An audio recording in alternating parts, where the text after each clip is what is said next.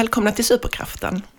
Eh, det har varit ett litet uppehåll eh, denna hösten, eh, men nu är vi här igen med ett nytt program. Idag vill jag välkomna Malin Valne. Hej! Hej!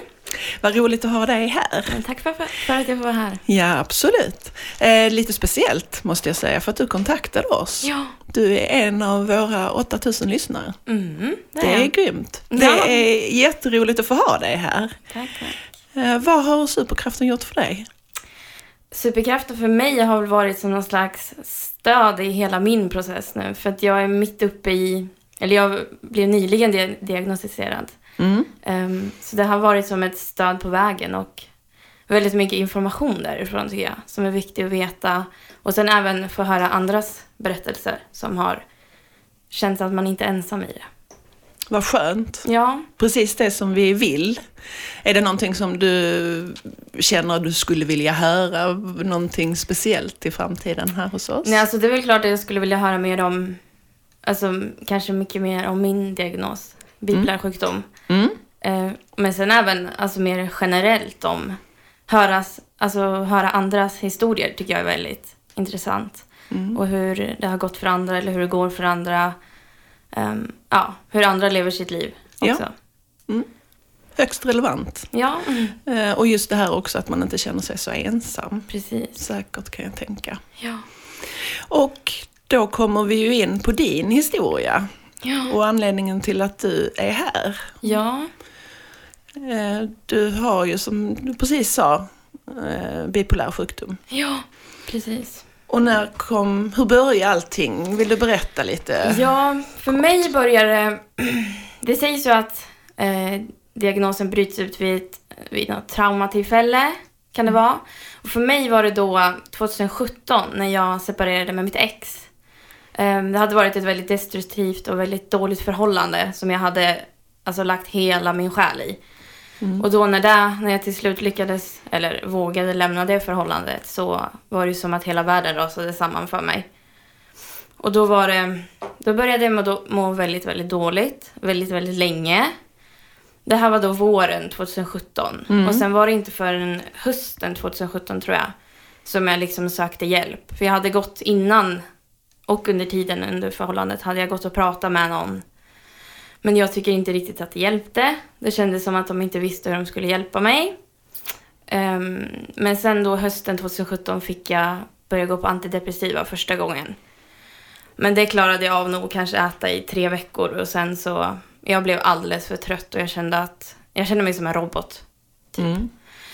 Um, och sen var det ingenting mer med det och det fortsatte må dåligt och det, hela nog 2017 så jag minns knappt någonting från det.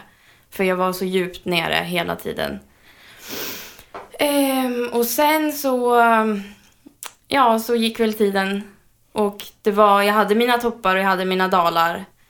Och just då så förstod jag, eller ingen förstod väl riktigt varför jag ibland var jätteglad och ibland så var jag jätteledsen. Ehm, men min depression, det visade sig också, jag fick jättemycket akne. Fick jag. Det var liksom på den nivån det var. att kroppen, Det var så kroppen svarade på mina depressioner. Vilket också gjorde att jag blev ännu mer deprimerad för att hur jag såg ut. Mm.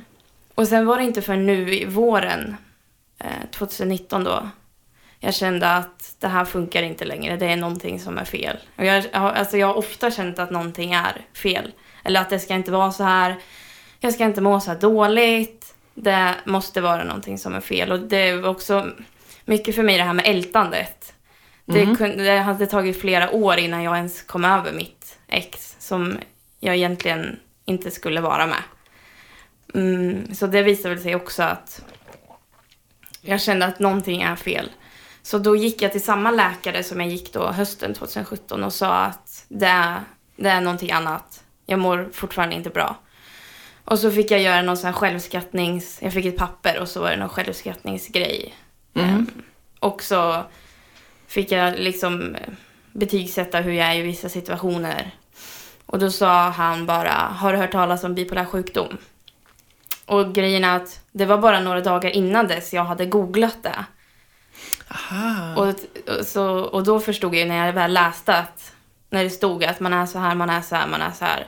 Och då var ju det så här, jag bara, men det där är ju jag. Mm. Det där är jag. Ehm, ja, och så fick jag, blev jag skickad sen till psykavdelningen och då tog det ganska kort tid för mig. Att från när jag var hos läkaren då på vårdcentralen tills jag fick komma till psyk så var det nog en månad tror jag. Mhm, det var Och sen, snabbt. ja, och sen så tog det nog bara ytterligare en månad innan de kunde ställa min diagnos. Så det är ju väldigt alltså, snabba puckar.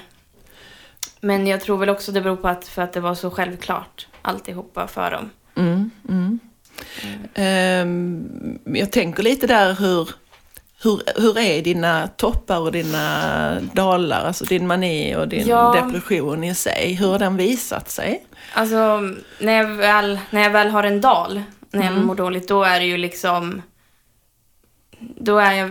Jag är ingen rolig människa om man säger så. Men jag är ju liksom i princip deppig. Alltså jag orkar inte göra någonting. Jag gråter väldigt mycket. Ehm, och det... Jag går till jobbet som jag ska. Mm. För det känner jag att det, där, där orkar jag liksom. Men jag är inte kanske den roligaste heller att jobba med. Hur går dina tankar? Alltså de går väl mest bara, alltså det... det jag tänker nog inte så mycket. Det är väl mest liksom ett mörker, är det. Att... Då får jag nog också det här att jag tänker på allt det dåliga. Mm. Att jag har svårt att... Det är i princip omöjligt att vända det till något positivt. Mm. Att tänka liksom glada tankar och så. Utan då blir det mest nog att... Tycker synd om mig själv, ältar det som har varit jobbigt och... Ältar du då fortfarande ditt ex? Eller Nej. har du lyckats hitta redskap för att släppa det? Ja, men det gjorde jag väl. Det, alltså, det kändes som att när jag väl fick reda på att jag hade en diagnos, då fick jag ju också, det är liksom ingen bortförklaring, men för mig var det en förklaring. Mm. Varför det, varför jag, varför det har varit så jobbigt för mig. Mm. Eh, och så. Precis det du säger med att det inte är en bortförklaring utan det är en förklaring. Mm. Det är jätteviktigt för att Ja. det är många som där är många med diagnos som lutar sig på sin diagnos, Mm. absolut. Ehm, och skyller allting på det. Men det är, för de som inte gör det, så är det fantastiskt att få Ja. sin diagnos och faktiskt få veta varför man beter sig på vissa sätt. Ja, för mig var det, tycker jag, att det var ju som att ett helt nytt liv började för mig. För nu var det ju som att, för mig handlar det om nu att leva så som jag behöver göra. Det handlar om mig. Mm. Och jag har faktiskt någonting att, jag måste liksom göra bra val som gynnar mig för att då, för om jag inte gör det så kanske det inte blir så bra. Och det känns liksom som att jag har ännu en anledning till att göra saker som är bra för mig för att jag har den här diagnosen. Mm. Och då kan det gå illa om jag inte mår bra. Mm. Ehm, hur, har du självmordstankar och så eller det är inte så svart? Nej, alltså grejen är att jag har haft det. Ja. Men jag tror aldrig att det skulle gå så långt att jag skulle göra det. Nej. Men det är ju, ibland så har jag tänkt på att det är ju klart att det är enklare. Eller alltså det är en, Mm. det är en utväg. Mm. Men jag, det skulle aldrig gå så långt att jag skulle göra det. Nej, precis. Men det kan kännas, kännas som en skön lösning för Ja, precis. tillfället. Exakt. Eh, har du hittat några redskap just när det kommer upp sådana tankar? Nej, alltså grejen är jag står just nu i kö för att få komma på KBT och sådana samtal. Ja. Eh, För jag känner att det är någonting som jag måste göra för att kunna klara de här depressionerna mycket bättre än vad jag gör idag. Mm. Ehm, så det står jag i kö för nu och det tror jag att när jag väl har gått igenom hela den processen så tror jag att jag kommer klara både manier och depressioner mycket, mycket bättre än vad jag gör idag. Mm. Så nu... Nej, alltså nu försöker jag väl mest bara tänka på annat om några, några sådana tankar kommer upp. Mm. Men jag tror att jag skulle kunna hantera det mycket bättre om jag Mm. hade de redskapen. Mm. Helt rätt. Det var som vi pratade i programmet när vi hade eh, psykiater eh, från England här.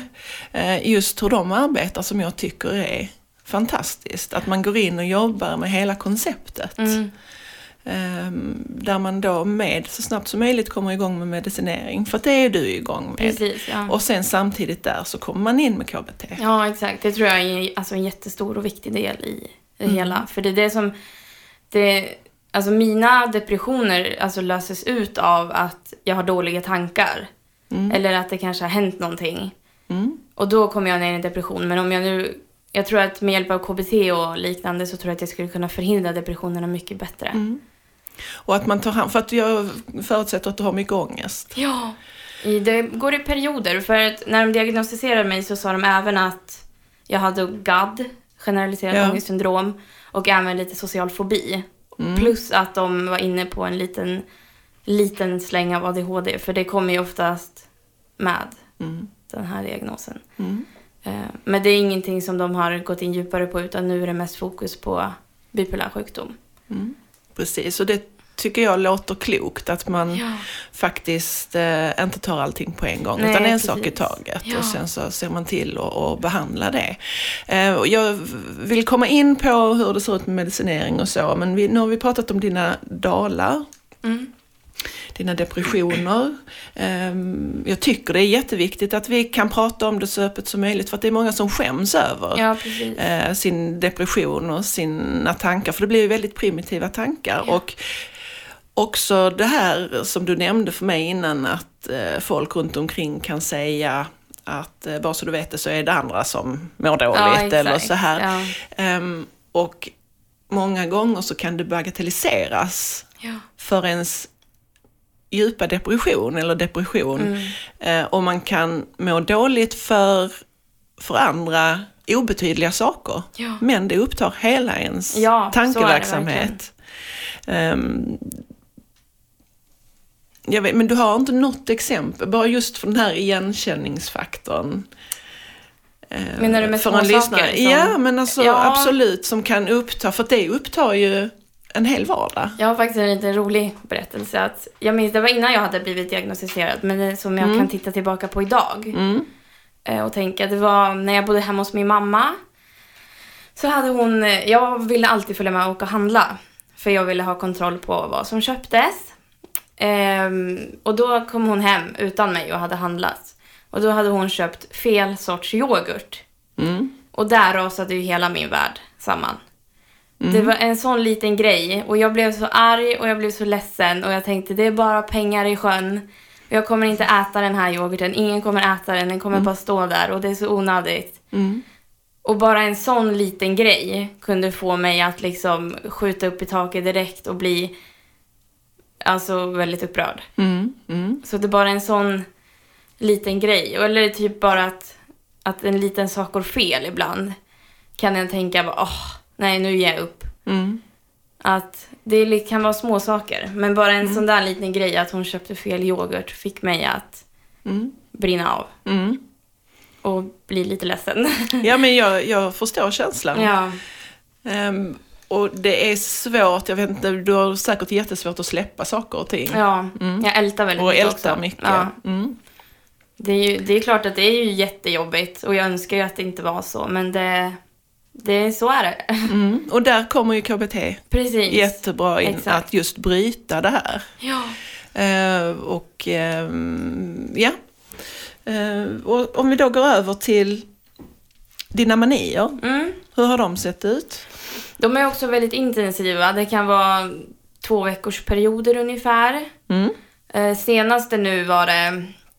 Jag flyttade nu i, för några månader sedan. Mm. Och då var det ju liksom... Då gjorde jag allting på två dagar. Jag målade om och liksom jag höll på från morgon till kväll. Och sen skulle man flytta allting så jag... Ja, då sover jag ju knappt. Och hjärnan går ju konstant på högvarv. Och jag vill hinna med... Alltså jag gör ju tio saker samtidigt. Mm. Ehm, och ska få klart allting. Så det var väl nu senast tror jag. Men ehm, nu när jag blivit medicinerad så har det inte varit lika många manier. Nej. Eh, Vilket både för och nackdelar. Men jag får ju väldigt mycket gjort. Eh, Alltså Mm. till skillnad från om jag är i mani och kanske har en ledig dag. Då har jag, jag brukar göra ofta sådana to-do-listor som jag ska göra under dagen. Och då ser man ju ganska stor skillnad på när jag är i en mani och när jag inte är i en mani. På när jag är i en mani så kanske det är 20 saker jag ska göra på en dag och det hinner jag med. Det är liksom inga problem. Och sen när jag inte är en mani då kanske det står tre saker. Mm. Så det... Jag, får väldigt, jag är väldigt produktiv Ja. när, jag, när jag är manisk. Hur, ehm, eh, hur känner du rent att manin påverkar dig och hur ditt beteende är under en mani? Ja, jag skulle vilja säga att jag inte visar så mycket hänsyn till andra människor. Nej. Är det Utan- någonting som de har sagt till dig också? Nej, Nej, eller utan du kan- ja, det var väl typ lite vad mamma sa till doktorn när vi träffades första gången. Ja. När hon också skulle vara med och dela med sig av sin del av allting. Mm. Ehm, då kan jag kanske smsa henne klockan 11 på kvällen och säga du måste fixa det här nu. Men hon kanske då ligger och sover. Ja. Så det blir liksom, men när jag är en mani, alltså jag kör ju bara på. Det, alltså, det är ju bara att köra rakt fram liksom. Mm. Och det är, och jag vill liksom få, få allting gjort direkt. Jag håller på med flera saker samtidigt. Men det är väl mest då att jag inte visar hänsyn till andra människor skulle jag säga. Mm. Att, och sen är väl jag också så här, jag gillar mig inte själv speciellt mycket när jag är en mani. För på jobbet då kanske jag är liksom överallt och ingenstans och, och det är ju väldigt påfrestande för mig psykiskt. När man ska vara, synas och höras hela tiden och vara liksom uppe i varv.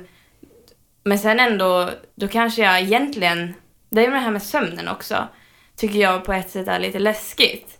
För om jag vet att i vanliga fall, eller en vanlig person, inom situationstecken, de hade somnat nu och sovit liksom ända fram tills klockan ringt. Mm. Men jag somnar kanske klockan två och sen går jag upp klockan fem. Och så tänker jag att gud vad trött jag kommer vara idag. Men jag blir aldrig trött. Det Utan- är en rätt märklig känsla va? Ja, men jag tycker det är lite läskigt. Mm. För det är så här, vad, vad är det för fel? När blir jag trött? Nu, nu kommer, och så tänker jag efter lunchen, ja nu kommer tröttheten fram. Mm. Men nej, den kommer aldrig. Jag tycker det känns lite som om man jämför nu har jag, jag har aldrig provat narkotika, nej, men jag kan tänka att kokainet Ja. ger eh, samma effekt. precis. Absolut. Eh, det är bara det att det här sitter ju i betydligt längre. Ja. Mm. På, ja, på ett sätt så är jag väl ändå glad att mina både manier och depressioner inte är, att det inte handlar om månader. Nej. Utan det handlar om veckor. Två veckor kanske. Mm. Ehm, för det känns som att annars hade det varit ännu jobbigare psykiskt tror jag för mig. Mm. Och veta att det håller i sig flera månader. Ehm, du lever ju i, i um, Norrköping. Nyköping. Nyköping. Ehm, och om man tänker lite så att rent ehm, hur funkar det där uppe? Alltså hur med, med skola eh, och hela den biten eh, med bemötande och så. För du har ju pluggat Ja, precis. eh, nu i vuxen ålder Ja. Exakt. Ehm, hur, hur har det funkat? Är det någonting som de har gått in och anpassat, att man har känt av? Nej, i alla fall inte för min del. Nej, det har inte behövts. Nej, jag minns bara att när jag gick i mellanstadiet så minns jag då att då hade jag väldigt svårt att sitta stilla. Mm. Och då gjorde de så, då löste de det så att då fick jag sitta själv istället för med en klasskamrat. Ehm, och det var endast att det så. Jag vet att ibland så var det så illa att min magister kallade mig då Duracell-kanin för att jag var liksom överallt och ingenstans. Men det var väl ingenting så...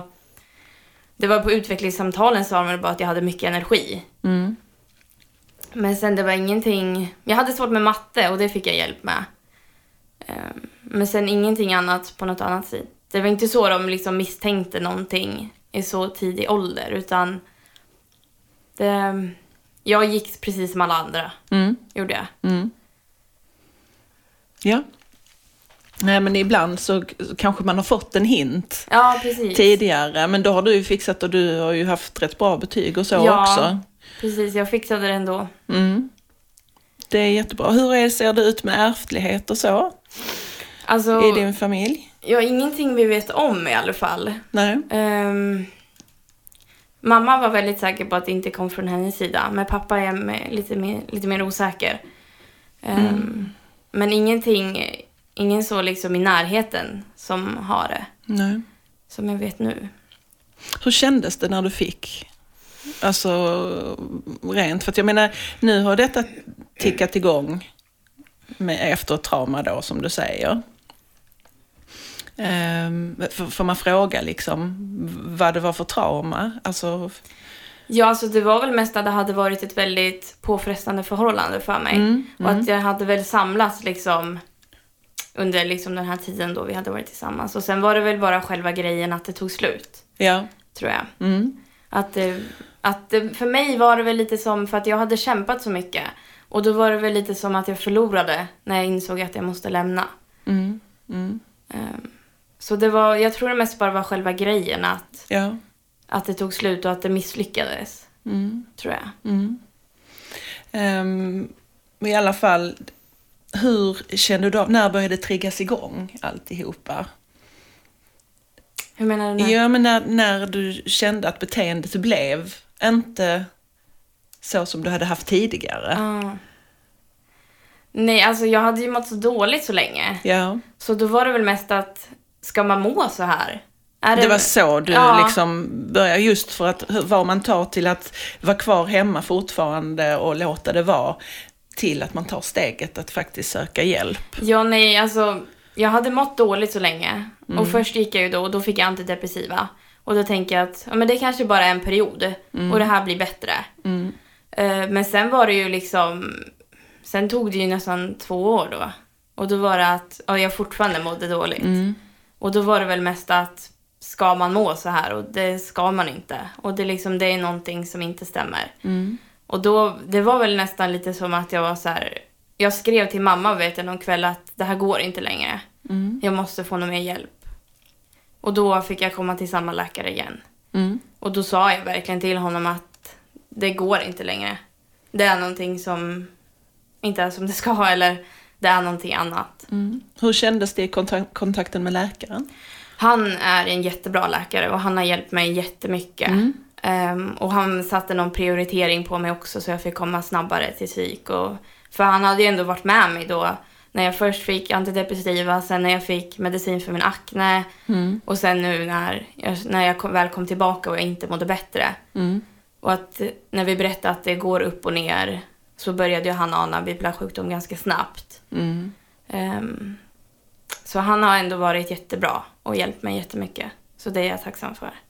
Du känner dig jättenöjd med hela sjukvården i sig? Ja, det, är en, det jobbiga väl tycker jag det här med, till exempel nu när jag ska få börja med KBT, jag har ju ingen aning om när.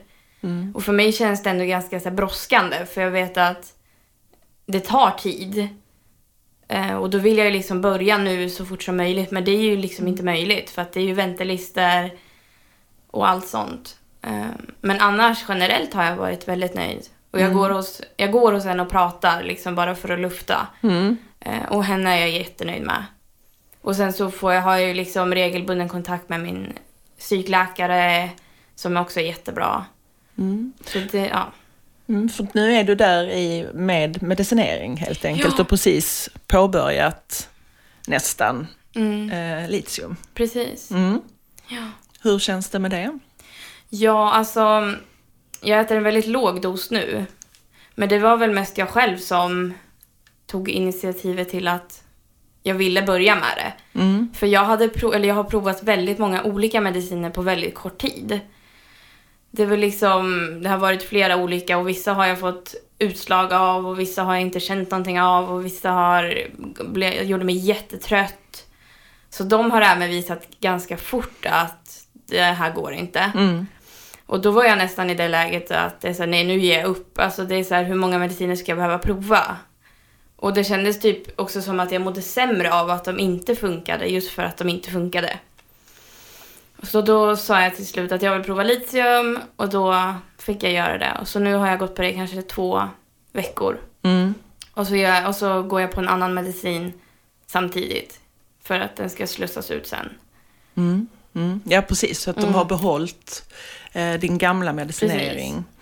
Eh, och sen, men har, du någonting eh, ångestdämpande? Jag har... alltså det...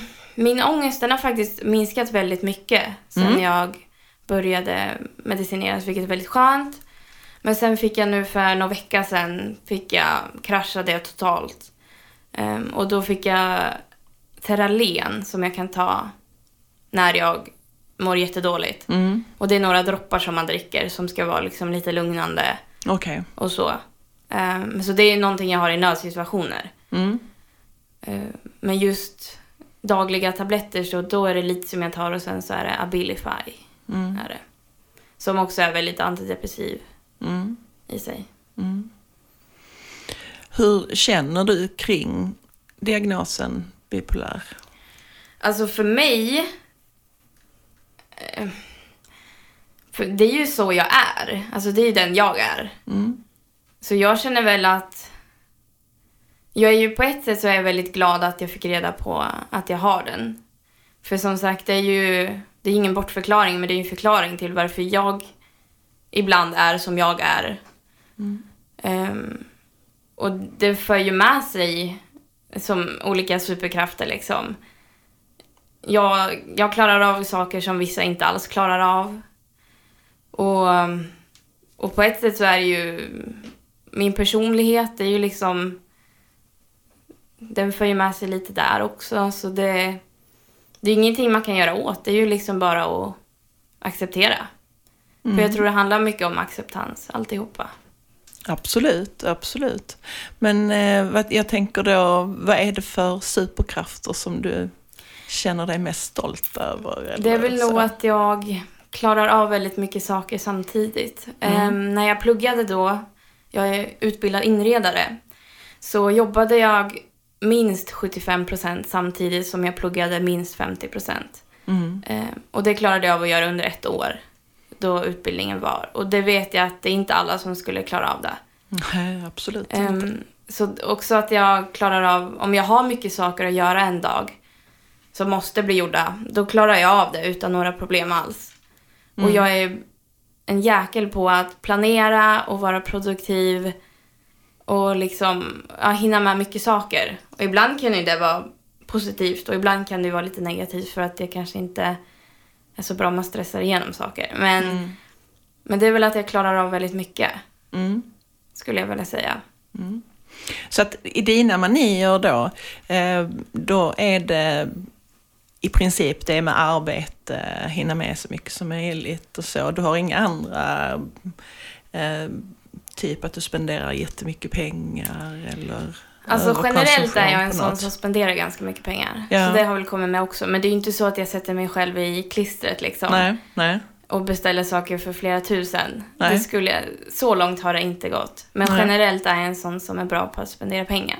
Mm. är jag. Och det fattar jag ju också nu. För jag minns också när jag var liten och kanske fick några, lite pengar av mina, min mamma. Då var det ju så att jag måste göra slut på alla pengar, tänkte Mm. jag. Jag måste göra det. Jag får inte ha någonting kvar. Mm. Och då kan jag också tänka att, jaha, det var ju därför. Mm. Mm. Ehm, för det vet jag ju att det kommer ju med. Det är någonting sånt som kan komma med diagnosen. Mm. Så det, det är väl lite kul att tänka tillbaka på idag och tänka, jaha, Mm. det var därför. Mm. Samtidigt som min syster var så här, nej jag ska spara så mycket som möjligt. Men jag var bara, nej, jag ska spendera allt. Ja, nej, det är väl, eh, det är väl en rätt så typisk eh, bieffekt ja, precis. av hela. Eh, vad skulle du vilja ge för råd till andra som sitter i din situation men inte har kommit så långt Ja. som du gjort? Och påbör- du har ju påbörjat denna resa nu. ja. Ehm, hur ser du på det? Nej, alltså för det första är väl att våga prata om det.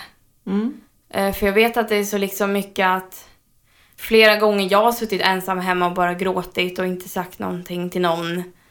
Ehm, Så våga prata om det och våga prata öppet om det och skäms inte för det. Mm.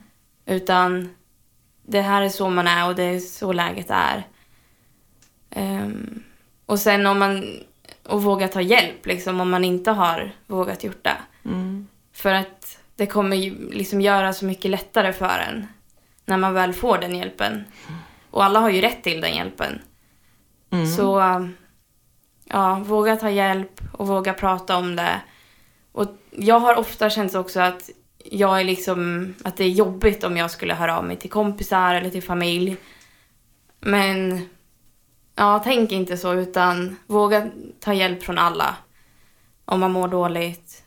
Mm. Och sen också att ja, men, acceptera och inte liksom fighta emot utan försöka acceptera att det här är så, så det är.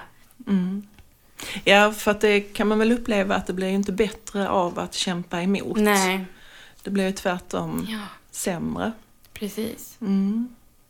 Ja, du har, gjort en, en, du har precis påbörjat din resa. Ja, det känns ju lite så som att det är ett nytt liv. Alltså när jag blev diagnostiserad känns det som att det är, här är mitt nya liv nu som börjar. Mm. Det är, ju, det är ju inte färdigt nu utan det är ju när jag väl hade fått diagnosen, det är ju inte då det slutar utan det är då allting börjar.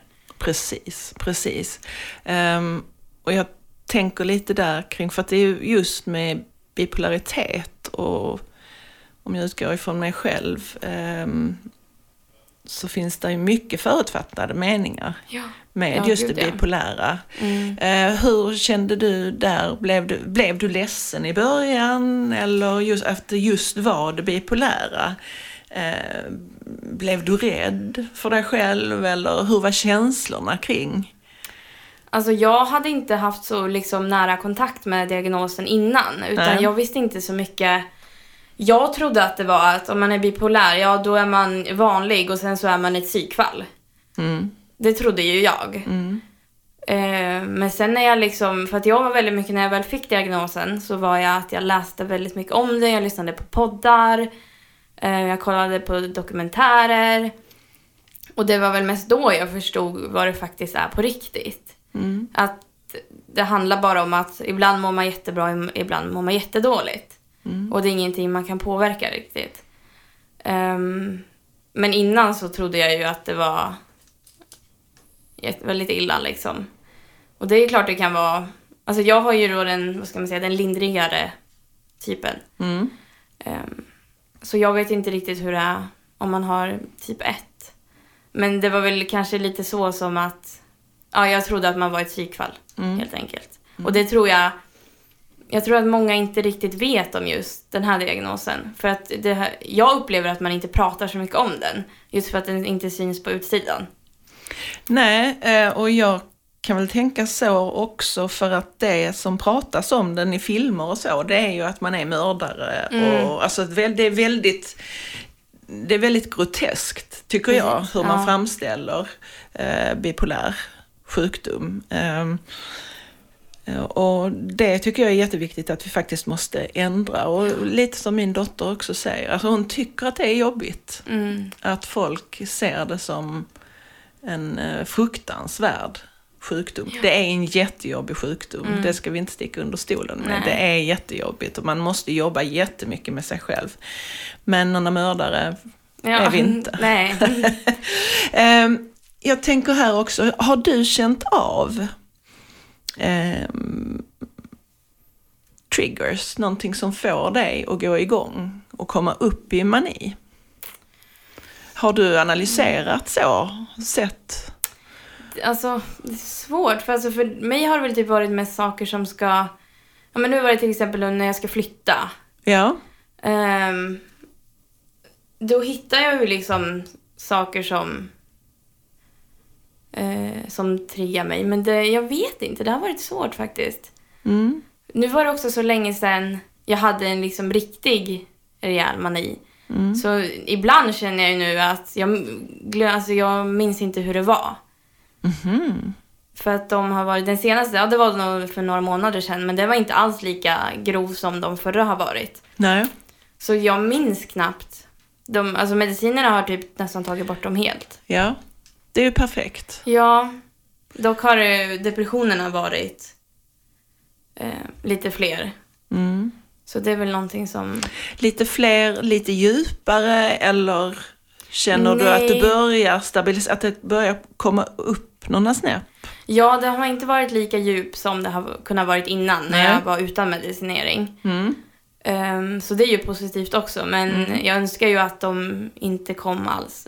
Mm. Mm. Såklart. Mm. såklart. Ja, Och det kommer säkert att eh, försvinna. ja Tror jag. precis. Men man får ge det tid. Ja, precis. Och sen vill jag inte bli helt monotom, att jag är liksom bara i ett raksträck hela Nej. tiden. För då, det är ju inte jag. Nej. Du vet, alltså det blir att lära känna sig på nytt. Mm. Det är jag en, en det avvägning. ehm, att eh, gå just på medicin. Att jag kan ju själv känna, jag tyckte ju topparna var fantastiska. Ja, precis. Ehm, Dalarna är ju absolut inte roliga. Nej. Men det var ett sorgarbete faktiskt att, Mm. att få ihop detta Mm. och börja bli mer en linje. Och det, för jag vill inte vara en linje. Nej, exakt. Ehm, Men jag tycker nog att det är rätt så Alltså lite svajigt som är ehm, behagligt. Mm. Mm. Ja, för sen tycker jag det är så...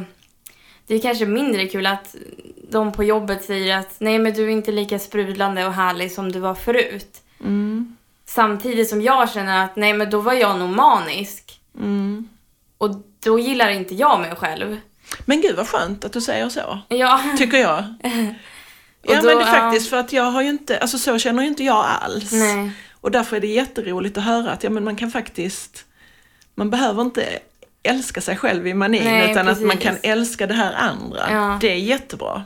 Men då blir det ju mer som att Alltså att jag har blivit en ny människa i och med medicineringen. För att nu är inte jag kanske lika sprudlande och överallt och ingenstans. Mm. Det kanske inte är jag längre, för det var jag utan medicin. Mm. Och då mådde inte jag bra. Nej. Men det här är jag med medicin och nu mår jag bättre.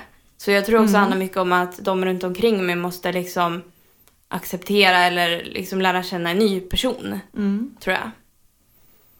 Det tycker jag absolut. Eh, och eh, säger man till en, eh, en cancerpatient att eh, det var mycket bättre innan du gick på strålning och Ja. eh, inte, du var mycket finare med i hår Precis. än utan. Alltså det, är- det, är, det är rätt, jag tycker det är rätt så respektlöst. Ja, det är det ju. Vi lever med en så pass allvarlig sjukdom Ja. eh, som är farlig för oss, då måste omgivningen faktiskt acceptera. Ja. Och acceptera ibland att man kanske inte... Att man är liksom på olika ställen ibland. Att man inte klarar av vissa saker ibland. Mm. Ehm, och det, det kan jag känna typ är lite jobbigt. Att jag inte klarar av lika mycket som alla andra ibland. För att det inte kanske mår riktigt bra. Mm. Eller ja. Eller vara bla, vara bland mycket folk överallt hela tiden. Det tycker jag är jobbigt. Hur, eh, hur blir du då? Alltså då, då blir jag väldigt... Om jag till exempel är på en stor fest eller vad jag ska säga. Mm. Ehm, Jag dricker väldigt sällan alkohol och jag är väldigt ofta nykter om jag ska på sådana tillställningar. Och då kan ju det också göra att jag blir ännu mer tillbakadragen och jag känner mig att jag bara blir som en svans då på dem jag är med. Mm. Ehm, Ja, så då känner jag väl mest att jag är missplacerad. Vem gör inte det Ja, egentligen? Men då är det ju sådana bitar man får jobba med. exakt. Ja, Precis. och där kanske du önskar att du hade varit lite manisk i det då. Ja, lite så. Och antingen är det ju så här, ja då ska jag dricka lite men att jag har jättemycket ångest dagen efter. Mm. Eller så ska jag inte dricka och känna mig lite missplacerad. Så det blir... Det är liksom pest eller kolera ibland. Mm. Mm. Men lyckas du göra val på ett annat sätt nu? När du har medicinen i kroppen än tidigare? Alltså jag tror att jag är mer medveten om mina val som jag gör idag. Ja. Och jag, alltså jag tar dem utifrån hur jag mår idag. Mm. Ehm, och sen, ja. Att jag frågar mig själv en extra gång, vill jag göra det här? Hur mår jag idag? Eller hur mår jag om jag skulle gå dit? Och så.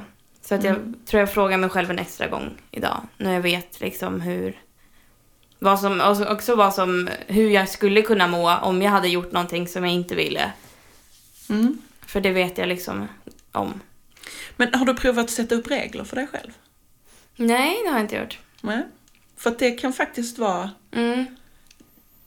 Det har varit väldigt hjälpsamt för mig i alla Ja. fall. Att man har regler och att du kanske sätter upp lite normer just inför Precis. de här Ja. eh, stunderna eller festerna eller Mm. vad det nu än är Ja. som är jobbigt för dig. Mm. Jag kanske ska prova det. Men faktiskt, Ja. för att det gör, det gör livet väldigt enkelt. Ja, precis. Eh, eller det gör det enklare. Ja. Alltså då, I alla fall så har det varit, varit det för mig. Då, är det inte, då behöver man inte starta en diskussion med sig Nej. själv. Utan då vet man. Ja. Ja, jag vet inte. Det kan Ja. vara ett tips. alla För jag har haft, eller ett problem, eller ja, kan man säga, att jag känner mig väldigt ensam. Ehm, för jag lever själv då, inne i egen lägenhet hemma. Mm. Och då har det varit så att jag vill göra vad som helst för att inte vara ensam hemma en lördagkväll till exempel. Mm. Men samtidigt som jag då liksom skulle vilja klara av att vara ensam hemma en lördagkväll själv och liksom inte bry mig och bara liksom gotta ner mig och vara i det. Mm. Så det har varit liksom, det har varit svårt i perioder. Mm. Har det. Och den här återkommande känslan om att jag känner mig så ensam. Medan jag tänker på vad alla andra gör och alla andra som har sambos där hemma och liksom så. Mm. Så det har varit något som har varit riktigt jobbigt faktiskt. Mm. Det känner jag igen. Mm. Ehm, också att man faktiskt måste tvinga sig att vara Precis. själv och eh, trivas att vara Ja. med sig själv helt Ja. enkelt. Jag kan se det på min dotter också. Mm. Ehm, det är jättespännande att sitta och prata med dig Ja. och du har börjat din resa eh, och jag tycker det verkar som att det går jättebra. Ja, det gör Samtidigt som det är tufft. det. Ja, men det är klart Det det. får man inte glömma och då kan man ju hoppas att omgivningen kan finnas där och stötta. Ja. Ehm, och jag vill tacka dig, du har ju rest långt för Ja. att komma till Superkraften, det är vi jätteglada för. ja, tack för att jag fick komma. Ja, du är så välkommen igen. Det hade varit roligt att höra längre fram Mm. när eh, medicinering och allting Absolut. har kickat igång ordentligt. Ja. Ehm, och jag hoppas att litiumet ska vara bra för dig. Ja, håller tummarna. Ja, verkligen. Ja. Ehm, och lycka till och lycka till med dina inrednings... Ja, tack så mycket. Mm. Ja, då tackar vi för oss idag eh, och vi hörs snart igen. Hej då!